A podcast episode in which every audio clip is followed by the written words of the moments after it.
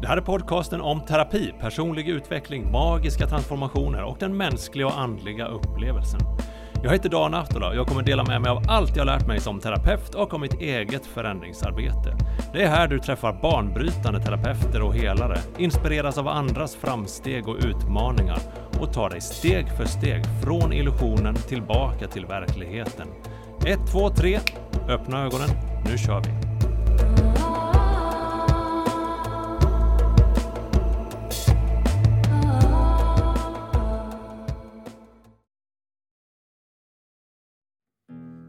Jesper Karon är inspiratör, humörtränare och en av Sveriges mest populära föreläsare som just nu turnerar land och rike runt med sin föreläsning Koll på livet som är slutsåld typ överallt. Han är utsedd till Sveriges trettonde mest inflytelserika person på sociala medier, har över en halv miljon följare, författare till böckerna Framsteg, Livskraft och Livsviktigt. Jesper har varit musikalartist, studerat ledarskap på Harvard, föreläst på NASA och MIT och nu kan han också lägga till gäst i 1, 2, 3 öppna ögonen på sin meritlista. Han gjorde ett stopp i Simrishamn på sin turné och tittade in på mitt kontor på Storgatan. Och vilken skön smittsam energi. Det går liksom inte vara butter nära Jesper. Kolla in honom när han dyker upp i din del av landet. Turnéplanen finns på jesperkaron.se. Innan vi hoppar in i avsnittet vill jag upplysa om att den senaste tiden går det inte bara bra för 1, 2, 3 Öppna ögonen som blivit en av Sveriges mest populära självhjälpspoddar, utan även för mig som hypnoterapeut. Det innebär att det inte finns lika många tillgängliga tider för hypnoterapi just nu, men du kan redan nu gå in på min bokningskalender för att boka en kostnadsfri konsultation för att veta mer om hur jag kan hjälpa dig komma loss i de områden där du fastnat. Länken finns i avsnittsbeskrivningen. Jag börjar alltid dagen med grönsaksshake och har gjort ja. i sju år nu eller vad är det, åtta år eller ja, Vad är det i en grönsaksshake? Eller vad är det din grönsaksshake? Mm. Sju deciliter vatten, två avokado, citron, kokosolja, stavmixer, färdigt. Det låter som du har en plan med den. Ja. Varje dag, samma. Ja. Aldrig andra koncept. Det är inte bara för att det är jättegott, eller hur? Nej, det är det inte. Det håller mig verkfri också. Ja. Ger mig mycket energi. Verkfri? Mm. Som att du skulle haft verk Ja, nej men det, det är en av 23 saker jag gör annorlunda. Som skyddar mig från sjukdomen reumatism som bor i mig. Mm. Det är det att jag har varit 100% verkfri nu i över fem år. Shit. Och gick från ett liv där jag i princip inte ville leva längre bara för att jag hade så ont. Ja. Jag hade ont i många år. Alltså riktigt många år. Riktigt ont. Men var det ont så att du hade svårt att röra dig också? Liksom, eller ja, omöjligt att röra när det var som värst. Det var, var, alltså, det var som att köra upp ett järnspett i röven och köra in fingrarna i eluttaget. Det var den typen av ja. monumental verk. Som du inte bara kan värja dig för utan den påverkar konstant alla händelser. Eh, där det var som allra värst så så behövde jag fatta beslut som, ska jag ligga i sängen och bajsa ner mig eller ska jag mäkta med verken som det krävs att ta sig till toa? Alltså, mm. Då är det väldigt på sin spets när det är den nivån på det. För du har ju, eh. alltså du är ju alla som har sett det, du har en jävla massa energi. Ja. Så jag tänker att det, och det kommer ju inte bara från de här shakarna utan jag kan, jag kan föreställa mig att det är lite sånt som du är. Och det måste ju ha alltså, utmanat liksom hela din identitet och självbild. Ja. Ja, det var ju som en tryckkokare. Eh, att ha ett behov av att röra sig mycket och inte kunna röra sig. Ja. Det skapar ju en enorm inre frustration bara det. Ja.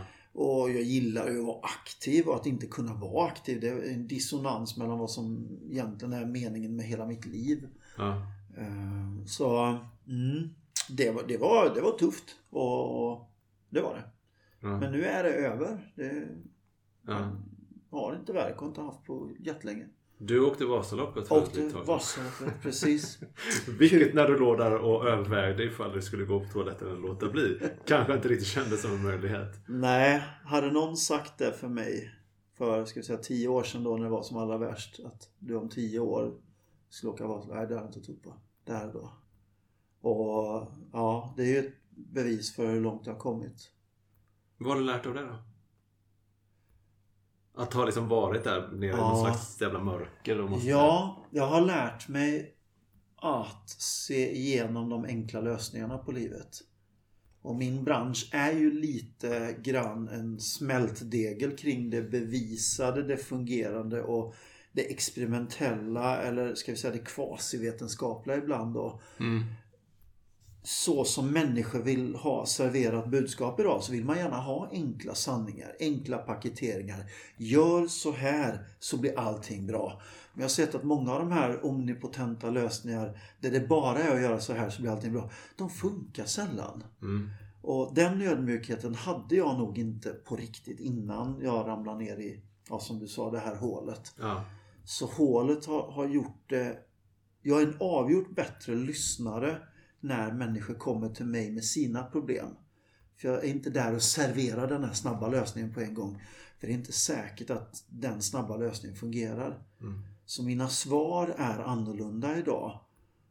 Och jag upplever att när de ser att jag förstår dem så är de redo att ge sig i kast med sin egen uppgift på ett sätt som jag aldrig lyckades få folk förra åren med. Och det är ju en direkt frukt av det jag behövde gå igenom. Ja, men det, är, ju- det är ju en så stor... Eller så underskattar det att, vet, att, att se någon. Att inte genast gå in i så här lösningsmode utan... Alltså jag fattar att det här är för jävligt för dig. Att det inte behöver liksom, vet, täckas över eller så här. Nu ska vi genast bort härifrån. Som är ett ganska liksom maskulint förhållningssätt. Här har vi ett problem, nu ska vi komma till en, till en lösning här. Utan att faktiskt se att ja, men jag, jag, jag vet var du är någonstans. Eller jag fattar att du är där du är. Ja. Ehm, jag tror Ja. också att... ja, och det är ju en sak att säga. Ja, Och, och det kan väl hända att jag innan jag hade den här verken att min mun sa, men jag förstår. Munnen sa det och jag intellektuellt kunde i någon mån kanske få fram en bild av vad som skulle kunna vara en förståelse. Men förståelse är på något sätt för mig när hela varenda cell i ens kropp verkligen kan känna det den andra känner. mm, Och då går jag nog ner i mitt eget kanske mörker och, och, och försöker leta efter det där. Och då hittar jag nog en tydligare representation av vad de känner. Det innebär ju inte att det jag känner är samma som dem. Men det finns ett djup på det och jag upplever att när någon ser det då avväpnar jag deras gard också för att ge mig förtroendet att ge dem mer. Du, jag gillar att vi, vart vi är på väg. För, det- för det är faktiskt inne på och snuddar här. Det som jag funderar på. Jesper Karlssons mörker, finns det egentligen? För när man ser dig på scenen och hör dig så tänker man att typ ah, men det där, det, där, det där är en kille som gillar, det där är en kille som gillar att, att, att ha det bra. Och eh, som är liksom eh, helt, helt, alltså, som är helt och hållet positiv, som har sånt jävla självförtroende och liksom, så här, någon, någon slags tillit till livet. Ja. Men det har jag ju. Och det är väl också, för att svara på din första fråga där, också något som har kommit efter verken. Mm. Innan dess eh, var jag inte alls särskilt trygg i mig själv på den nivån eller det djupet. Eller, och, och det är väl kanske det här att jag i någon mån mer och mer har accepterat sanningen att jag har inget att förlora. Och det är ju en sån här grej som jag har hört så många gånger. Men att leva efter den är ju någonting helt annat än att höra den. Ja. Och det kom nog efter verken att fasen gör det nu. Alltså, liksom, gör det bara Jesper. Säg inte det. Låtsas inte. Kom inte med utan gör det. Och För det är också, det är ju min erfarenhet. För jag har ju också sjukdom bakom mig. Hade eh, cancer i två omgångar. Eller egentligen var det bara en omgång. Bara att det var, hade en paus där i mitten. ja, Men att kunna känna det här. Men det finns faktiskt inget att vara rädd för. Alltså Nej. jag behöver inte vara rädd. För att, inte för att jag tror på det, utan för att jag vet att men jag har gått igenom någonting här som var liksom extremt tungt. ja, Eller som, som också, man inte bara liksom tungt rent fysiskt, utan man också den, den bilden man har av, av att vara sjuk. ja, Ehm, och så inse att okej, men om jag var där och nu klarar jag det. Är det verkligen då värt att se andra saker som, som så jävla illa egentligen? Nej, just det. Nej, nej men precis. Och, och, det där är ju lite, alltså det är ju mest på gott men det är lite på ont också. Mm. Och jag fick det av min kompis Christian Wass. Han, han, var ju med om en dykolycka för många år sedan och så, och så bryter han nacken då, rullstolsbunden, förlamad från, ja, vad är det nu, nionde nackkotan tror jag och neråt. Och han, vi, vi hamnade i ett samtal en gång där jag lite grann också hade ett litet problem och så kom jag på att jag sa det till Christian som jag, i mina ögon då, har en oändligt mycket värre situation. Och, och, och då säger jag, ja jo men vi ska ju kanske inte. Och, och då blir han, han blir ju, jag ska inte säga att han blir förbannad för det blir han inte, men han, han blir lätt irriterad. Alltså, nej, ganska kraftigt irriterad. Alltså, du kan ju inte tänka så. Som, alltså, om du inte kan liksom tillåta dig att känna det du känner bara för att det inte är lika stort som det Då kan du inte känna någonting så länge du kanske umgås med mig eller någonting sådär, sa han. Mm. Och, och jag tänkte att det där är ju, är ju sant. Mm.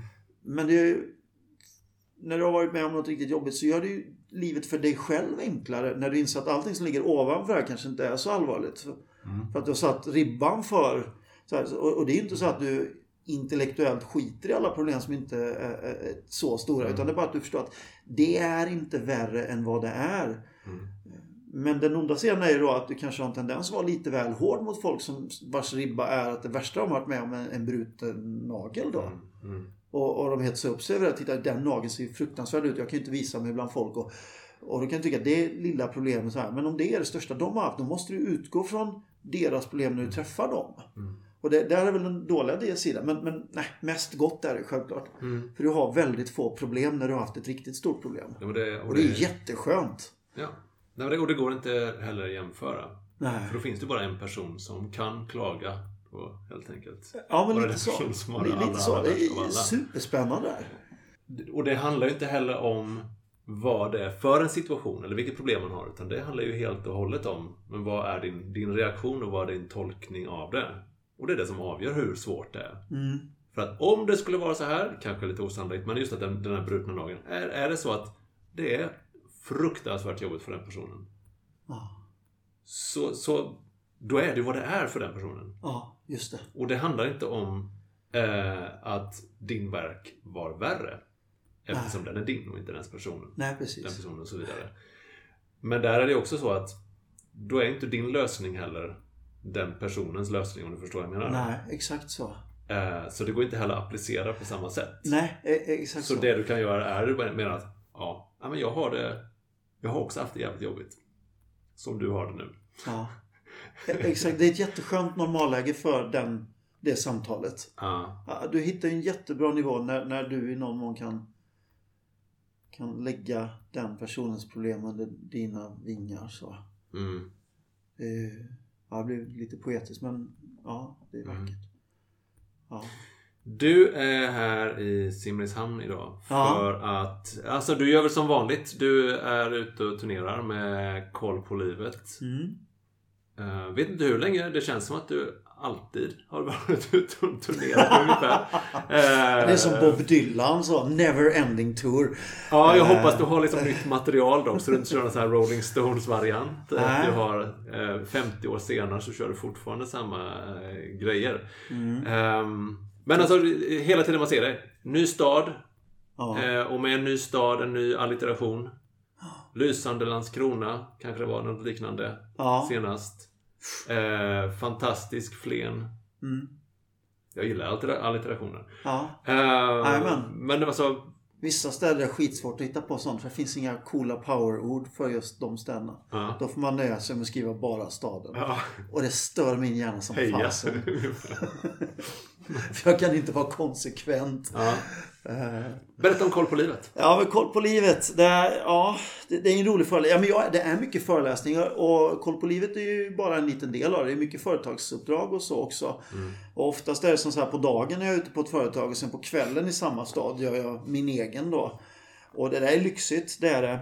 Koll på livet kom till som en följd av att jag såg mönster bland frågorna som kom in till mig från mina följare. Och väldigt många frågor handlar just om hur ska man få ihop livet? Och jag satt och svarade på de här en och en ganska många gånger. Och var väldigt likartade svar och sist tittade jag ganska bra sätt att, att svara på de här frågorna. Så allt det här som du svarar en och en kan du ju lika gärna sy ihop en föreläsning av. Och det var det som blev Koll på livet sen. Mm. Och då satte jag samman en slags trestegsraket. När jag såg vad jag hade för svar och vad jag hade för material och vilka frågor som kom in väldigt ofta. Då, då uppfann jag ett slags trestegsraket som, som i någon mån skulle kunna lotsa folk för att få bättre koll på sitt liv. Och en del handlar om vad som ger energi. För jättemånga är tomma, slutkörda och orkar inte med hela sina pålagor, sin egen agenda, sin egen att göra-lista. Så vi går på djupet på det här. Jag förklarar rent vetenskapligt hur du fyller på med mental energi. Det andra är de antaganden man gör för livet. Och det är ett, egentligen ett för stort område för att kunna täcka i en föreläsning. Men jag gör ett slags försök åtminstone att lite grann förklara kraften i antagandet. För om antagandet är fel kommer livet bli fel. För konsekvenserna blir inte bra av antagandet. Mm. Men om du gör goda antaganden för livet så, så kommer livet le mot dig i princip oavsett hur jobbigt det är. Mm. Så då talar jag lite grann om det. Vad kan sånt antagande vara? Nej, men eh, det finns ju så många olika, men ett antagande kan ju vara att du kanske har en arbetsmängd som är en ren katastrof som i princip enligt alla odds kommer leda till att du går in i väggen. Så gör du ett antagande att ja, men det blir bättre imorgon. Eller det blir bättre nästa vecka. Och det är ju ett antagande för framtiden. Men då får man ju någon gå in och syna så här, men har du ändrat någonting i framtiden? Nej, ingenting. Ja, men då blir det nog samma nästa vecka, jag är rädd för. Om du inte ändrar någonting då men så många människor gör den typen av antaganden. Eller om, om, om en person som röker så här, nej, jag får inte cancer. Det är ju ett antagande. Jag får inte cancer. Mm. Ja, men rent statistiskt sett så är du ju överrepresenterad i att få cancer mm. för att du röker. Eller jag äter massvis med socker. Ja, men då ökar oddsen att du får diabetes. Nej, men inte jag. Ja, men du, vet du vad? Det är ju ett antagande du gör. Men det antagandet ligger ju på kollisionskurs med statistiken då. Så att, så, så du får göra bra antaganden. Eller som så här, du går in i ett förhållande och så gör du antagandet att i det här förhållandet, du kanske har varit i flera förhållanden innan, bara get, get, get, get, get. Och så har du blivit bränd och så tänker jag så nej, nästa förhållande jag går in i så ska jag bara ha ut saker. Det är ett antagande du kan göra. Det kommer ju inte bli ett jättebra förhållande det antagandet. Men ändå ser jag rätt många människor som gör det här. Att, att man har gett och gett och gett. Sista, nej fast jag tänker inte i mig. Nu ska jag ha tillbaka. Mm, mm. Och så är det det nya antagandet för livet. Det kommer få konsekvenser. Eh, eller ett antagande. Jag vill ha en sak så mycket att det är värt att ta sms-lån för att få den. Men jag har ingen inkomst. Det är ju lite av ett problem. Jag såg i Lyxfällan någon gång. Det var någon som tagit sms-lån. Hade ingen aning om det här med ränta. Helt plötsligt hade vad det nu var, 2000 spänn eller sånt ganska blygsamt. Han blivit 147 000 kronor. Mm. På grund av ett ganska illvilligt antagande att man ville ha en sak här och nu när man inte hade någon som helst möjlighet att köpa just det där, mm. där och då. Mm. Så vi har antaganden hela tiden. Eh, eller att... Eh, det låter som någon slags alltså, flykt från verkligheten. Ja, att man inte ser och, för det som är utan mm. ser det som man vill att det ska vara. Ja, och det finns ju massvis med olika antaganden. Och de, är baserade på så många olika saker också. Men en vanlig är just att man låter ett tidigt plågoris vara anledningen till att man inte gör någonting i framtiden. Eller bara för att mina föräldrar var dumma så pluggade inte jag i skolan och nu är mitt liv misär. Och, och det är ett antagande men det är inget korrekt antagande. Mm. Men det är ett antagande som du i någon mån manifesterar. Eller jag kan inte göra det här för att jag är för gammal. Det är ett antagande. För gammal för vad då? Mm. För vad jag har lärt mig många gånger, de här ska vi säga, dysfunktionella, kraftlösa eller ska vi säga, bakåtsträvande antagandena eller antaganden som gör att du inte får ut det du vill. Mm. Det finns alltid någon som har varit i samma båt, haft exakt samma situation, mm. men som gjort ett helt annat antagande. Som många gånger har blivit succé istället. Mm. Och då faller ju antagandet. Eh, min son hittade på ett bra ord för det här en gång i tiden. Han var jätteliten. Han, kom, han var inte alls gammal då. Så kom han och sa Pappa, jag har uppfunnit ett nytt ord. Och, och jag bara wow, jag gillar ju sånt här. Så det är klart att jag ville höra så här. Ja, känslovilla. Och jag sa, ja men vad är det då? Och då hade han sett byggare Bob när han var i öknen och, och så, så liksom får de inte ta på vatten så han började se synvilla. Han såg ju vatten överallt då. Så pratar de om, väldigt pedagogiskt om vad en synvilla är. Så hade han suttit och tänkt där, men det är ju samma sak med känslor. Att man känner benhårt att det är på ett visst sätt. Det är bara att om man skulle få för sig att testa den känslan som man känner. Det visar sig att den stämde inte alls. Så, så de dåliga antagandena är, vad min son uppfann ett ord för, är känslovillor. Det känns ju rätt.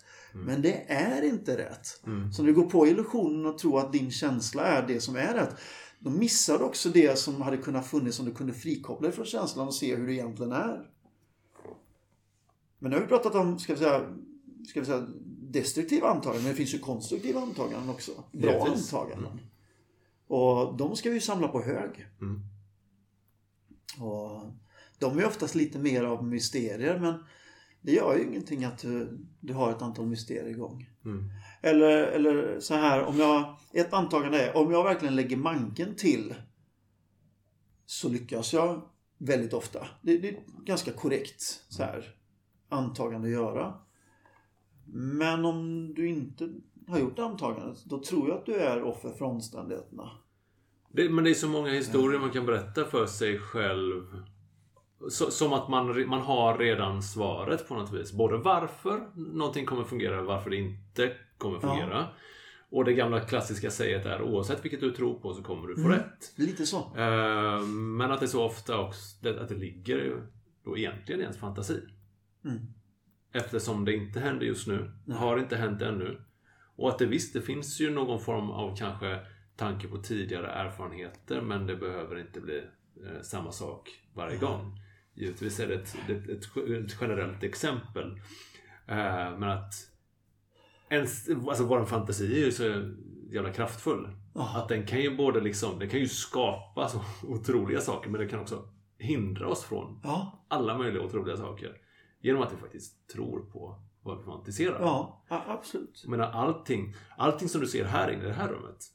Det kommer ju från en, en fantasi mer eller mindre. Mm. Eller en tanke. Ja, många människors fantasier vi, ja. vi ser här. Och att eh, men just den, den fantastiska skapande kraften i det. Men att vi kanske också behöver just eh, vara medvetna om. Ja. Energi, antagande. Tredje, tredje biten, positiv psykologi. Yes. Och det här älskar jag. Det här, eh, positiv psykologi kom ju, det här är väl, vad blir det, 50 år sedan någonstans. Som Martin Seligman och Lars-Erik Unestål och ett antal stora titaner i branschen började fundera på Ska vi inte ta och börja studera människor som är lyckliga och framgångsrika och får fungerande liv och se om vi hittar några mönster. Och det här var ju helt tabu innan dess. Mm. För då skulle man ju bara ta folk som hade problem och få dem att få lite mindre problem. Vilket man ju hade gjort ett bra jobb med. Det är ju jättebra metoder för att hantera i princip nästan, inte alla psykiska sjukdomar, men väldigt många av dem. Och vissa av dem kan vi bota eller hantera helt och hållet. Och vissa av dem kan vi lindra folks misär eller lidande. Eh, så det var ju någonting nytt det här med att studera och det coola är ju det att när man ser det som verkar göra folk lyckliga och tar och applicerar det på människor som är olyckliga så blir de kanske inte konstigt nog mm lyckliga. Mm. Och, och, det där är så häftigt. Så är ju lyckoforskningen, den positiva psykologin, är lite grann som en genväg för att få människor att triumfera i livet. Mm. Och, och, det som är häftigt är att det är så löjligt enkla grejer som man ser fungera så gigantiskt stort många gånger.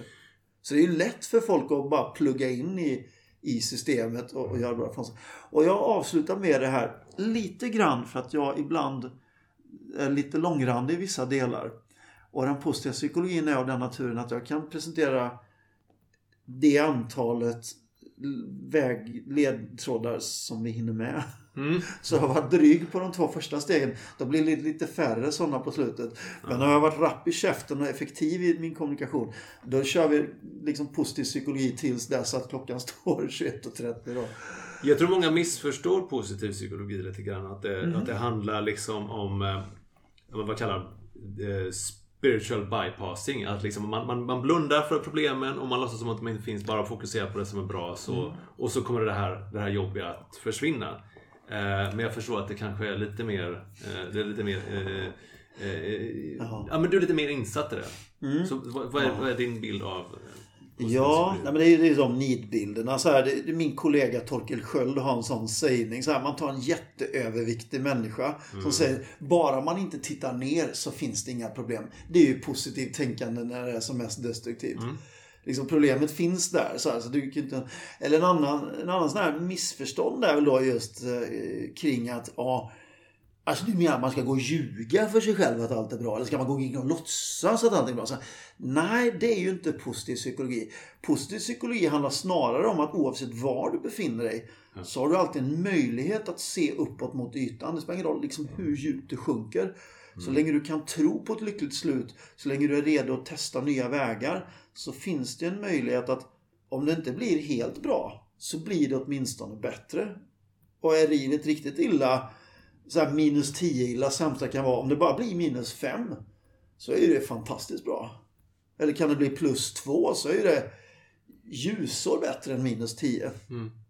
Och, och, det är väl det som är det coola med många av de här formlerna. Det är att de har en potens att ta dysfunktionella liv och på ganska kort basis med relativt, ibland i alla fall lite ansträngning faktiskt föda någonting som är mycket, mycket mer fruktbart. Mm. Och många gånger när man hittar rätt så att säga då vill man inte gå tillbaka igen.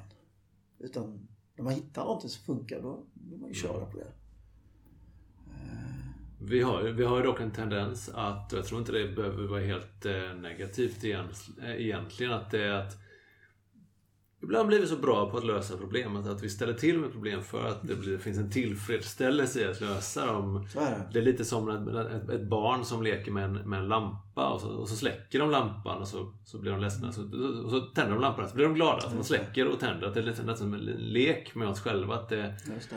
att man kanske sätter upp hinder för sig själv för att det känns så bra. För att, att komma tillbaka till det positiva. Att komma ja, tillbaka till plusset igen. Så går man in på minus. Att det är ja. någon slags balanserande i det hela också. Jajamensan. Och nyckeln till att kunna balansera är väl just medvetenheten om att det, går all, det blir liksom aldrig bara minus hela tiden. Utan det, det, kommer att väga över på något sätt. Balans, ja.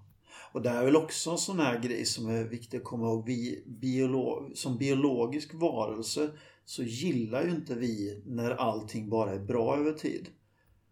Och vissa hävdar då att vi lite evolutionärt har den här felradan på. När det är för bra för länge, då är det början på slutet. Mm. Och det kanske må vara hänt på savannen då. För att om man är lite för nöjd med den mängden mat man har. Mm. Så kanske man helt plötsligt vaknar upp och så har man ingen mat så dör alla. Mm. Så den här felradan finns där lite grann. Fast nej, det är inte lite för bra nu. Mm. Och här har ju vi då kanske byggt en värld som inte riktigt matchar det. När vi, när vi i princip kan hålla alla behov tillgodosedda hela tiden. Och, och då blir det problem av det istället. Så då börjar ju hjärnan fucka ur. Man börjar hitta på saker. Och man såg, eh, det är många sådana kulturella företeelser som har, har dykt upp genom åren. En sån här var ju att hälsosamma människor, såna här Wall Street Achievers. Vet, de äter rätt, de tränar, mm. de jobbar med personlig utveckling, de stärker upp relationer. De, till synes här helt perfekta liv. Helt plötsligt så utvecklar de vanan att man måste röka cigarr varje dag. det, är liksom så här, det är typiskt sånt där hjärnan bara säger fast det är lite för bra nu, måste hitta på skit. Och serverar du då inte någonting som kan vara ett vettigt fordon där för att utmana dig själv eller ta det vidare. Då blir det kanske något så banalt som att röka cigarr mm. eller, mm.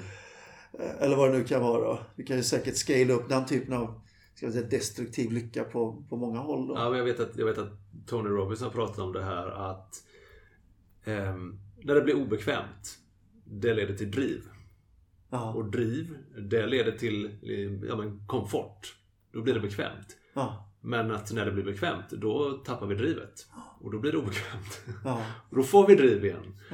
Eh, och det har väl lite med så här balans mellan pain och pleasure och dopamin och eh, att, att ha någon form av strävan. Att det är så viktigt att kunna eh, att, att sträva.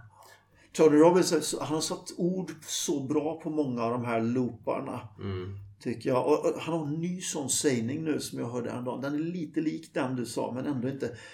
Och han talar just om samhällsläget idag, att det är så mycket kriser överallt. Och han sa, nu ska vi se om jag kommer ihåg den här, det är fel att droppa den nu men. Alltså goda tider skapar svaga människor. Mm. Svaga människor skapar dåliga tider. Dåliga tider däremot skapar starka människor. Och, och starka människor skapar goda tider. Mm. Men när det blir goda tider igen då kommer folk fucka upp igen så blir det snart dåliga tider. Och det här ser man i historien att det är bra, det är dåligt, det är bra, det är dåligt över tid. Och ja. Nu är vi på väg, eh, tror jag i alla fall, i alla fall när man tittar runt på många av de stora sakerna som vi pratar om i samhället. På väg in i tider där vi kanske har haft det för bra för länge och nu fuckar vi upp mycket. Och... Fast då skulle man kunna se det längre perspektiv. Vi är på väg in i en god period. Ja, just det. Fast längre fram. Då. Är man lite positiv. Det är bra att vi schabblar till det nu så att det kan bli bra sen. Ja, varför mm. inte? Det är ett kul sätt att se på det. Mm. Ja, men visst är det det. Låt oss förstöra det här nu så att vi kan bli lyckliga sen. Ja. Låt oss skapa Jag uppfinner skitdåliga one-liners här Härdade barn som vi, kan, som vi, kan vi rädda skenar iväg Det, det kanske ja. inte är så livsfilosofi som, eh, som du Det lät inte bra. Jag hoppas att ni, ni som lyssnar här inser att nu sitter jag och bara flummar ut här och skojar lite grann. Men det, nej, det, det är ju sant så. Det blir ju, det blir ju bra sen. För vi människor vill ju inte ha det dåligt. Så att ha det en självbevarelsedrift, när tillräckligt mycket har blivit riktigt dåligt, då måste vi då måste vi städa upp. Då tar vi oss i kragen igen och säger titta här vad vi har havererat. Och så börjar vi ju lösa det. Mm. Det är ju på grund av att det inte är så som vi så som, att, att det är så som vi inte vill att det ska vara. Ja, och när det gäller en själv så är det väl också att inse att okay, men det, det, är ingen som kommer göra det här åt mig. Att, att inte kunna vara då offer egentligen, utan att, man, att, att ja. behöva ta ägare istället. Ja. För, att, eh, för, att, för att vänta på att det löser sig av sig självt. Ja. I någon form av naturlig cykel. Men det, vi kanske är lite naiva också som, som tänker att nej, men den här cykeln, den kommer aldrig gå över. Ja, vi, vi, har ju, eh. nej, vi, och vi har ju jätte... Nu nämnde du ordet offer. Det ska du inte säga när jag är i närheten. Vi lever ju i den här offerkulturen nu. Det är ju inne att vara offer. Alltså folk tävlar ju om vem det är mest synd om. Men det är ju liksom ingen tävling du egentligen vill vinna. Men nu är det modernt att säga så här, ja, jag har det eländet. Så, ja, det, det är ju ingenting mot vad jag har. Och så försöker man utmåla sig själv inom offer inom alla möjliga omständigheter. Mm. Och, och det där, ja, du, du, där vinner du inte mig. När någon kommer liksom utmåla sig som ett offer de inte behöver, då, då triggar det mig. Det är en sak att det händer någonting som gör att du blir ett offer. Det är en helt annan sak att välja att förbli ett offer. Och det är ytterligare en sak att bygga en identitet av att faktiskt vara ett offer. När du inte är ett offer. Mm framförallt de senaste åren att när du inte hittar någonting att vara själv vara kränkt för så blir du sekundärkränkt. Just det. För, för andras skull istället. Ja. Exakt. Ungefär som att, eh, jag vet inte, om de skulle säga glasögon och de bara, nej men, men nu blir jag kränkt för att min kompis Jesper, han sitter här och har glasögon. Ja. Så då kanske han tar illa vid sig och det betyder att det, du angriper mig då också. Ja men e- exakt så. Dåligt exempel men jag tror det Ja, nej, men jag vet att sekundärkränkta har jag hört. Och det, det lustiga med folk som är sekundärkränkta, det är att de som kanske de är sekundärkränkta för aldrig kände sig kränkta. Förrän de blir påminda om att de borde vara kränkta av någon som ja, egentligen Man kan ju träna upp det här. Ja. Martin Seligman och Steve Mayer, Bruce Overmeyer, de uppfann, eller myntade det här begreppet inlärd hjälplöshet. Mm. Du kan ju träna upp en människa och känna sig hur hjälplös som helst. Mm. Trots att de inte behöver. Men i samma ögonblick som den träningen har fungerat bra så kommer de att leverera avgjort mycket mindre än vad de är kapabla till. Hur kom, kom du in på att börja föreläsa? Uh, ja du. Eh, nej men det är väl mycket, jag, jag får den här frågan.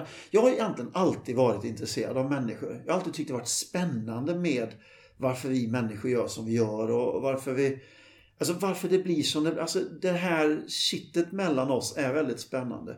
Och sen hade jag ju den oturen, får man väl säga då, att jag hade en tuff uppväxt. Så jag fick stryk som liten. Och min bror fick inte stryk och då började jag med en gång fundera på varför får jag stryk men inte min bror? Och det är väldigt existentiell nivå.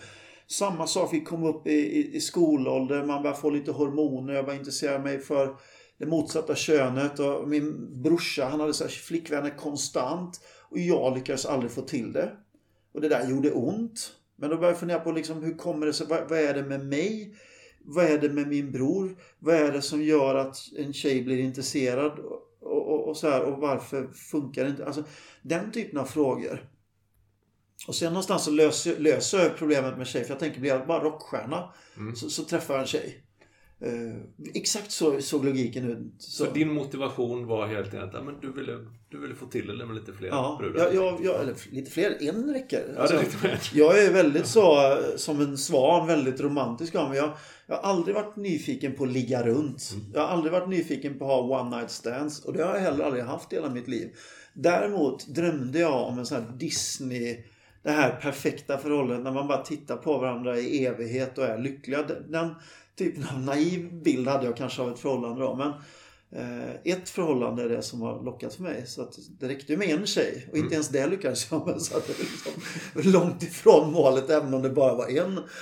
Uh, nej, så, så, att jag, jag får fan bli rockstjärna och det, det var inte så dumt där för att det fick ju mig i någon mån börja rikta min uppmärksamhet åt någonting som faktiskt jag bestämde mig för till skillnad från vad skolan serverade. Och eh, den resan jag behövde göra för att dels börja träna på elitnivå, börja sjunga och styra upp mig själv, värdera mig själv. Jättemycket som jag lärde mig. Gjorde, jag gjorde ju det gjorde ju att jag träffade någon. Jag träffade min, min hustru Malin som jag nu har varit tillsammans med i 26 år och 22 dagar och snart 14 timmar. Så, så planen funkade ju. Sen, sen blev vi ju, jag blev inte rockstjärna som vi låg på Svensktoppen och spelade in musikal och spelade in film och mm. grejer. Så att jag fick ju en artistkarriär också. Mm. Och eh, det fick jag som en bonus kan man säga. Men där och då då hade jag inte satt ord på det utan då tänkte jag att det verkar vara ett coolt yrke. Men någonstans i det undermedvetna så var ju syftet med det yrket var ju att träffa någon då. Och sen såg jag ju att jag, att jag var ganska bra på att estradera och så här och då, då dök väl den här Då dök ju föreläsandet upp då. För jag såg att det var ett, det var ett artistiskt yrke men det svarar ju också an på de här grundläggande frågorna som jag hade som liten. Att varför gör vi människor som vi gör? Så jag blir så besatt i personlig utveckling. Mm. Du nämnde Tony Robbins innan. Det var ju den första, tror jag, sån här internationella stjärnan, stjärnan som jag hittade. Så jag, jag, jag lyssnade ju på allt, läste allt och fick en sån här grundstomme där. Sen droppade ju han lite namn och Jim Rohn. Och så, mm. så, så gick jag åkte över till USA och såg Jim Rohn och tog del av hans arbete. Sen dök ganska snabbt Richard Bandler, John Grinder upp och NLP, hela Just. den biten.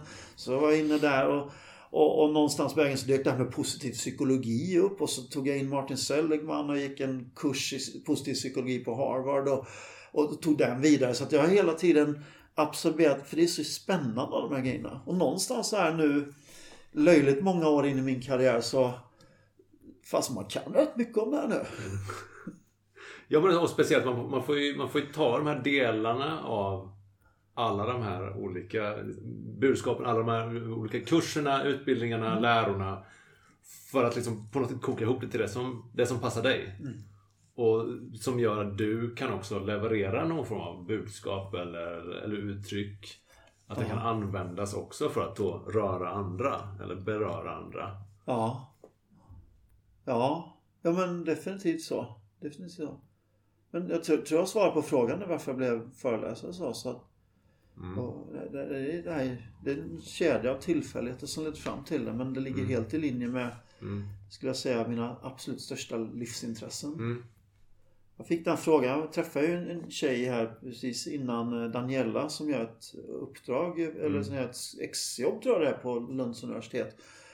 Och eh, då frågade hon så här, en direkt fråga var om, om, jag, om mitt professionella jag skiljer sig mycket från mitt privata jag. Mm. Och jag inser att det gör det inte så himla mycket. Utan mycket av det som jag presenterar på scen och med den intensiteten som jag presenterar på scen. Det kan vara jag privat också. Mm. Och det är inte så att jag går in och är föreläsare privat utan jag var ju så intensiv och passionerad långt innan jag förstod att det ens fanns ett yrke som hette föreläsare. Mm. Och då frågar hon mig, ja men hur kommer det sig? Och, och, svaret på det är nog då den här verken som vi lite grann öppnar med. Ja. För jag var ju ganska ny som föreläsare då och hade ett ganska komplicerat liv privat när jag hade verk. Och då vet jag, jag var på mycket så här, gick så här föreläsningar, läste böcker om varumärken. Du måste ha ett varumärke. Och jag bara kände, fattas bara det. Mitt liv är jobbigt som det är. Nu ska jag liksom försöka snäva in mig med någon slags så här varumärkesprofil där man inte får göra vissa saker och där man ska signalera vissa saker och där man ska liksom försöka förmedla vissa saker bara för att det låter bra. Och jag bara kände, nej, nej fuck that. Du tänker såhär, verk-Jesper, när det låter inte bra. Nej, men, nej, men jag inser att liksom, det orkar inte jag med det också. Utan ganska tidigt där känner jag att jag får nog fasen försöka koncentrera mig på vad där jag är. Och jag hade ju som mest verk när jag... Då, jag fick som mest verk när jag redan hade blivit någorlunda stor på sociala medier. Jag var totalt öppen med det. Mm. För jag kände, ska jag liksom låtsas som att åh vad lycklig jag är och allt är bra? Så här, nej, inte en chans. Mm. För det var jag ju inte då. Livet gjorde jätteont och då, då är det bättre att jag säger så att mitt liv är jättekomplicerat. Det gör jätteont. Men någonstans där så, så kan jag ändå berätta att jag kan försöka skapa ett så bra liv jag kan trots att det inte går min väg just nu. Och det här förstod jag rätt tidigt att många kunde associera till. Mer än att jag stod och sa att du kan bli liksom miljardär och Mm. perfekt och, och, och så här. Så den ingången, jag ska inte säga att den var ny, men jag, tror att jag presenterade den så pass tilltalande att jag attraherar folk som kanske tidigare inte hade varit så intresserade av den här branschen. Men det märks ju tydligt att du får ju väldigt mycket energi i mötet med andra människor Mm. och att du, att du, att, du- men att du ger så mycket energi också ehm, tillbaka. Ja. Men eh, hur är du när du är bara med dig själv? Hur är jag då? Ja. Men jag är, jag är nyfiken där ja. Så, så det är mycket... Ja, nyfiken och vetgirig. Och det gör ju att jag, när jag har tråkigt så hittar jag på saker. Och, och likadant så, när jag lämnar hotellet i morse så känner jag bara som så här, fasen jag vill bara shaka lite grann här. Så jag har insett jag börjar gå lite grann som John Travolta i Saturday Night Fever i början där.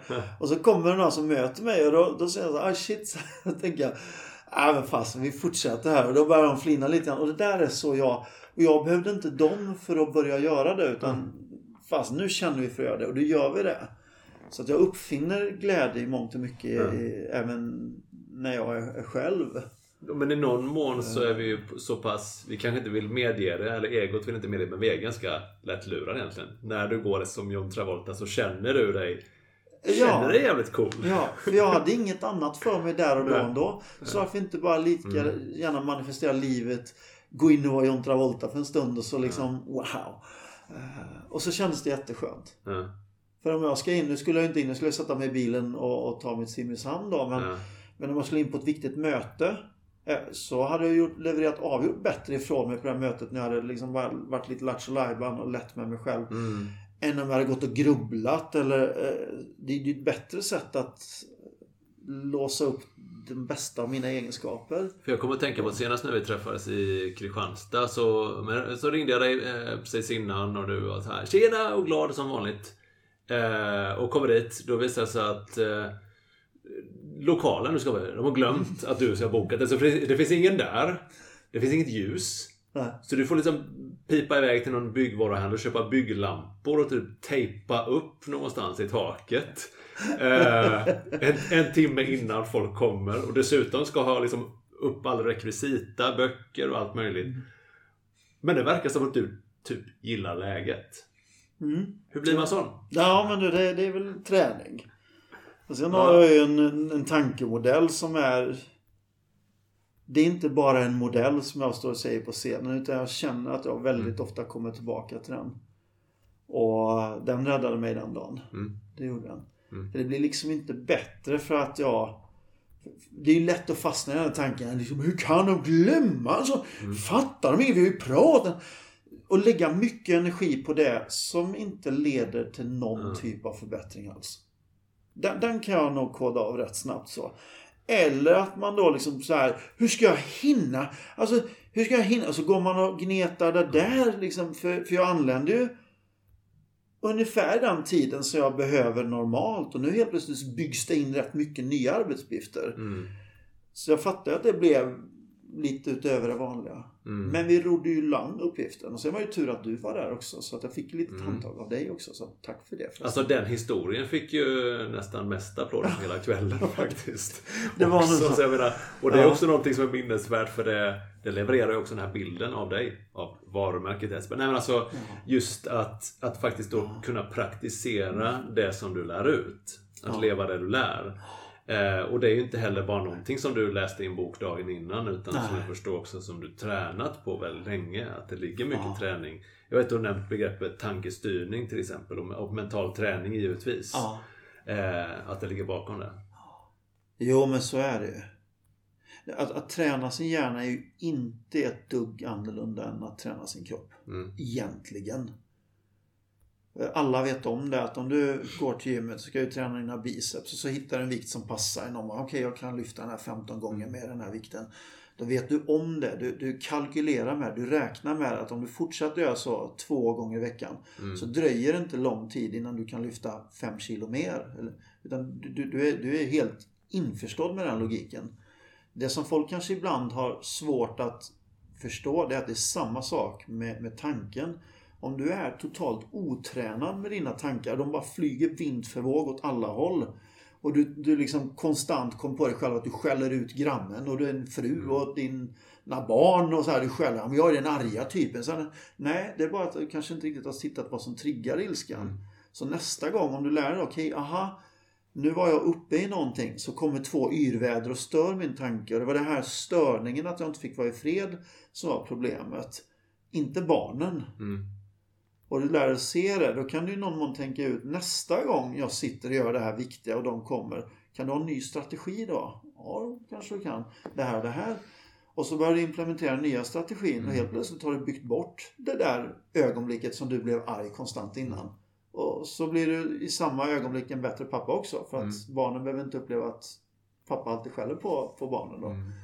Eh, och det är ju en träning. Den är ju en sak att liksom, för det första att bli medveten om det. Det är ju mm. första steget. Okej, okay, fast det är alltid vid de tillfällena som jag blir arg. Det andra är att sitta ner och aktivt kalkylera med hur skulle man kunna göra istället. Sen kommer tredje steget att i någon mån fundera på okej, okay, nu ska vi träna in det här. Och då vet jag, för det blir nästan alla människor, när man har ny plan då för hur man ska göra och så funkar det inte. Och så tänker man, för först när jag har lagt ner massa energi på att lösa det. Och så blir det inte bra. Det är bara det att du tog en för stor vikt på gymmet där och då. Det funkar inte då. Men det är jättebra att du kom på dig själv, du implementerade en plan, men vikten var för stor. Nästa gång så, så löste du ut den. Och när du löst ut den så här en 50 gånger, då har det landat och så är det nya normalläge. Du har alltså tränat mentalt på ja. samma sätt som du har lärt dig lyfta ny vikt på gymmet. Mm. Och, och det är inte så heller att man, man, man så här, ja men nu kan jag det. Så nu behöver jag aldrig träna Nej. på det igen. Nej. För att situationerna ju... ser aldrig likadana ut. Det... Varje gång det uppstår. Inte bara att det, det är skarpt läge utan det är också en träning och en övning. Vet, en aktiv process. Verkligen. Jag, Exakt samma. Jag hörde några, några, i något typ radioprogram eller något liknande ett par journalister som sa eh, och så skulle jag vara lite såhär ballt cyniska och skeptiska. Någon sa såhär, ja men jag var på yoga en gång och den andra frågade, funkade det? Som att så ja men jag gjorde någonting en gång. Mm. Och så är det lite såhär, hö hö. Ja, just det. Typ, ja det där alternativa ah. yogan. Ja. Funkade det? Som att liksom... Eh, ja, det, det, det, ska finnas den här. Alltså, om det inte är såhär mm. genast, ja men då är, då är det liksom bluff typ. Just. Ja men det är så, som jag brukar säga, som så här, det finns en anledning till att det heter mental träning mm. och inte mentalt testa en gång så är det färdigt för all framtid. Mm. För det är ju inte det. Utan det, träningen innebär ju någon mån att du ger dig i kast med att notera och, och, och, och, lösa ut och exekvera. Och ju fler gånger du gör det desto mer av ett defaultläge blir det. Du Jesper, vad, vad, vad vill du lämna efter dig som, som arv till, till, till världen? Vad kommer jag höll på att säga dödsruna, men det låter ju lite dramatiskt så här. Ja, jag tycker snarare så här, men vad, vad, vad, känner du att du vill ge till världen? Ja. Det är en väldigt bra fråga och jag ska inte säga... kanske var en stor fråga för att svaras ja, på eh, alltså, åtta minuter. Mm.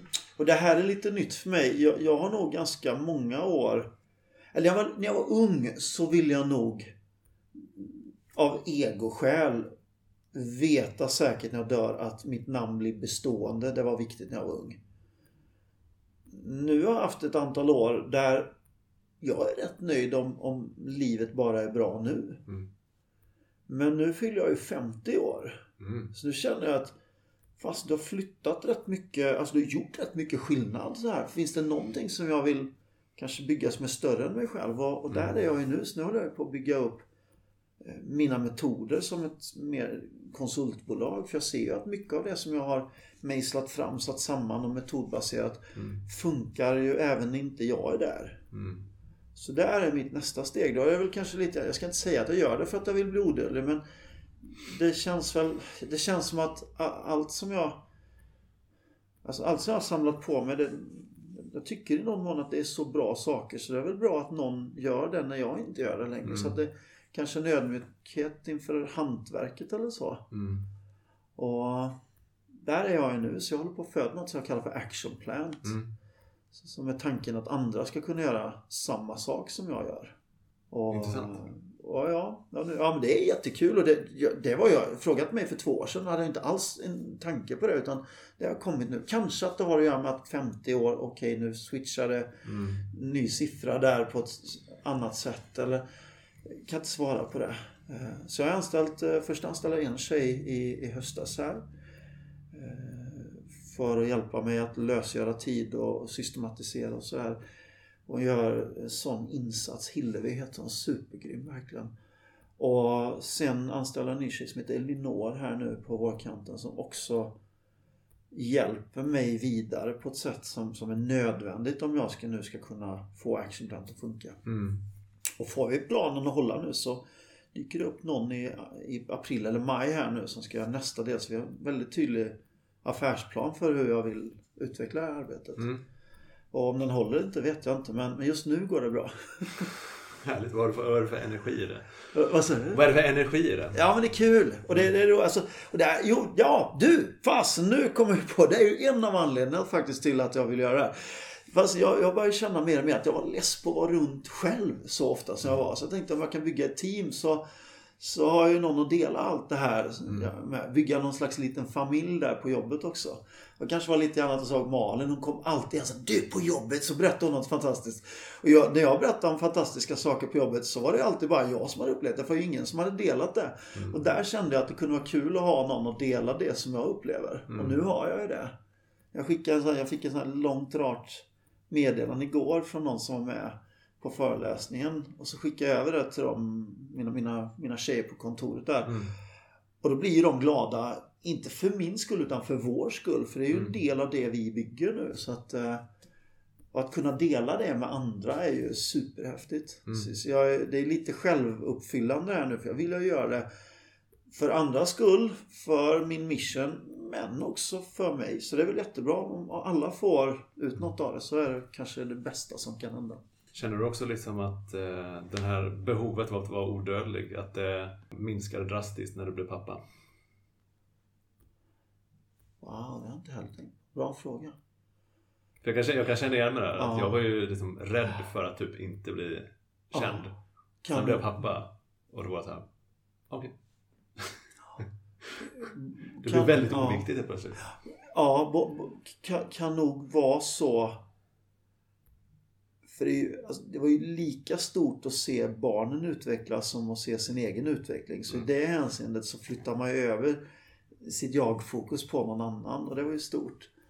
Eh, Men samtidigt så släppte jag ju inte min egen utveckling så att jag tycker ju fortfarande min egen utveckling är viktig. Mm. Eh, Så, så ja, kan det vara så. Jag kan inte sätta något år på det utan jag bara minns att jag hajade till en gång att det här som jag tänkte på när jag var liten. Då var det mycket så här, jag skulle skriva den där hitlåten som var så bra att folk skulle lyssna på den i evighet. Eller jag skulle vara med i någon film. Jag hade väldigt så här gigantiska drömmar där kring vad jag skulle åstadkomma. Jag bara hajade till någon gång att jag insåg att jag inte tänkt på det. Och det kan mycket väl vara så att det var när barnen hade kommit även om jag inte Mm. noterade det. Mm. Kul tänkt. Jag ska reflektera över den så ska vi få ett svar på det framöver. Några sista ord till lyssnarna? Mm. Det finns en grej som jag vill säga och det här är det vanligaste som jag får in så här. Du vet, om, om jag nu försöker, vet jag då säkert? Så här.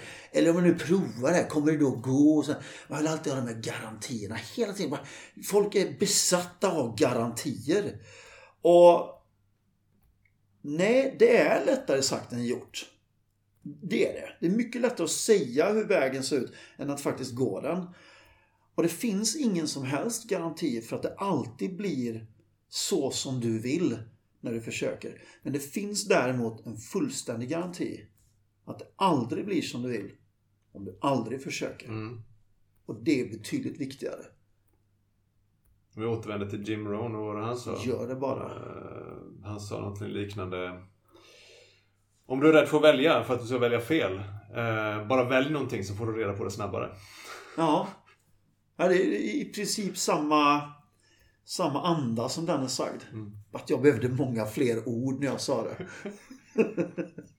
Men det är ju Jim Rohn, han var lite äldre än jag också. Så. Ja, precis. Så, Det- så om ni lyssnar på det här poddavsnittet om 30 år, så ny version, då kanske jag har hittat ett snabbare sätt att säga det på. Så. Koll på livet det är nu åtta minuter långt. Där. Liksom Ja, just det. Det var kokat ner så.